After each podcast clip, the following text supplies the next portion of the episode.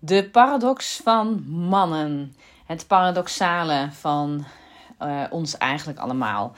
Uh, daar wil ik direct een kanttekening maken. Want vrouwen hebben dit idem dito. Esther Perel uh, beschrijft, omschrijft dit uh, gedachtegoed ook erg mooi. de, de, de, de, de paradox tussen dat we allemaal eigenlijk het liefst een hele veilige rots in de branding uh, te vertrouwen man zoeken als vrouw en nou, vrouw uh, voor de man of uh, um, alles wat ertussenin zit. In ieder geval zoeken we die twee. En, en dus de andere kant is dat we de spannende, begeerlijke, um, ja, niet, niet weten wat er gaat komen type willen hebben. en dit, de, deze twee ja, opposites zoeken we in één en dezelfde persoon. Uh, in onze partner. Um, wat per definitie gaat schuren. Als we dit te veel door elkaar laten gaan. Uh, Esther die beschrijft ook heel mooi. Het is net als lopen. Je, je hebt absoluut beide benen nodig om voorwaarts te kunnen gaan. Maar het ene moment zet je het rechterbeen voor en het andere moment zet je het linkerbeen voor. En is die, uh, hè, dat linkerbeen dus prominent. Uh, en uh, op het andere moment is het rechterbeen prominent. En zo is het ook met deze dualiteit in ons. Um, het ene moment zet je, of, maak je prominent dat je te maken hebt met de vader van je kinderen degene op wie je kan bouwen, die je volledig kan vertrouwen, die er is uh, voor jou als je je uh, naar voelt, als je verdrietig bent, die een arm om jou heen slaat, die je kan troosten, waar je um, ja, mee uh, je veilig en geborgen bij voelt. En de andere. op het andere moment wil je die um, fans die jou alle hoeken van de kamer laat zien, die jou begeert, die um, de uh, ja, uh, onverwacht handelingen uitvoert, die uh, je prikkelt, die je verrast, die alles behalve voorspelbaar is. Nou, je, kan, je vult het verder maar in. Dat zoeken we in een partner. En zowel mannen willen dit van vrouwen en vrouwen van mannen. Ik wil hier even expliciet de paradox van mannen belichten. Omdat, hier nou, uh, ja, omdat ik hier dus wederom ook een, post over heb geschreven die op LinkedIn en Instagram verschijnt. Mocht je me nog niet willen volgen uh, en dit wel willen, um, ik zet de, de links van mijn beide kanalen in de show notes. Um, mannen zeggen vrouwen te willen die zich degelijk kleden, niet te sexy door het leven gaan.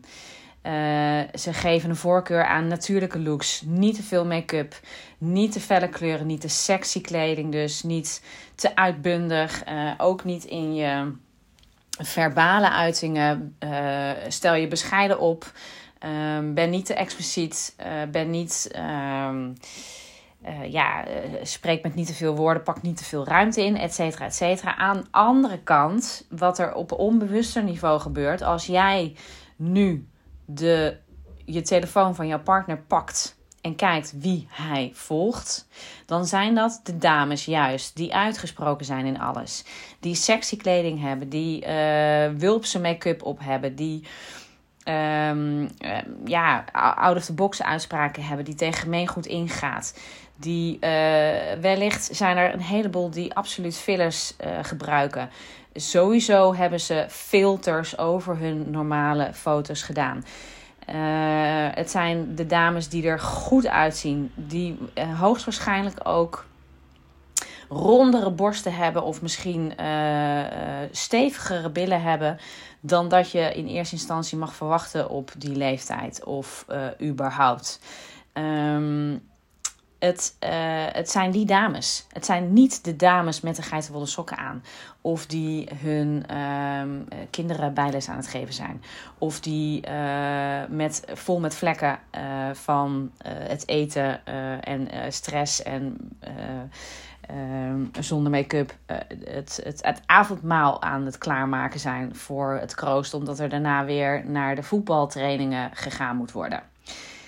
Dus dit hebben wij allemaal in ons. En het allerbelangrijkste wat je hier, uh, uh, als jij deze podcast neerlegt. Um, ik wil trouwens wel dat je naar het einde luistert. Maar het allerbelangrijkste is uh, dat je deze twee um, kanten in jouzelf en in, bij jouw partner ook. Maar jij luistert hier zelf, dus ga als eerste bij jouzelf na dat je deze twee kanten überhaupt erkent. Uh, zijn ze er?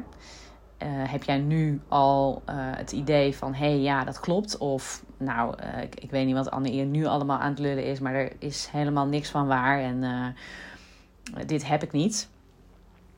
Als je dit hebt overigens, dan kan het heel goed zijn dat je op de uh, uh, dat, je, dat je hier nog erg onbewust van bent.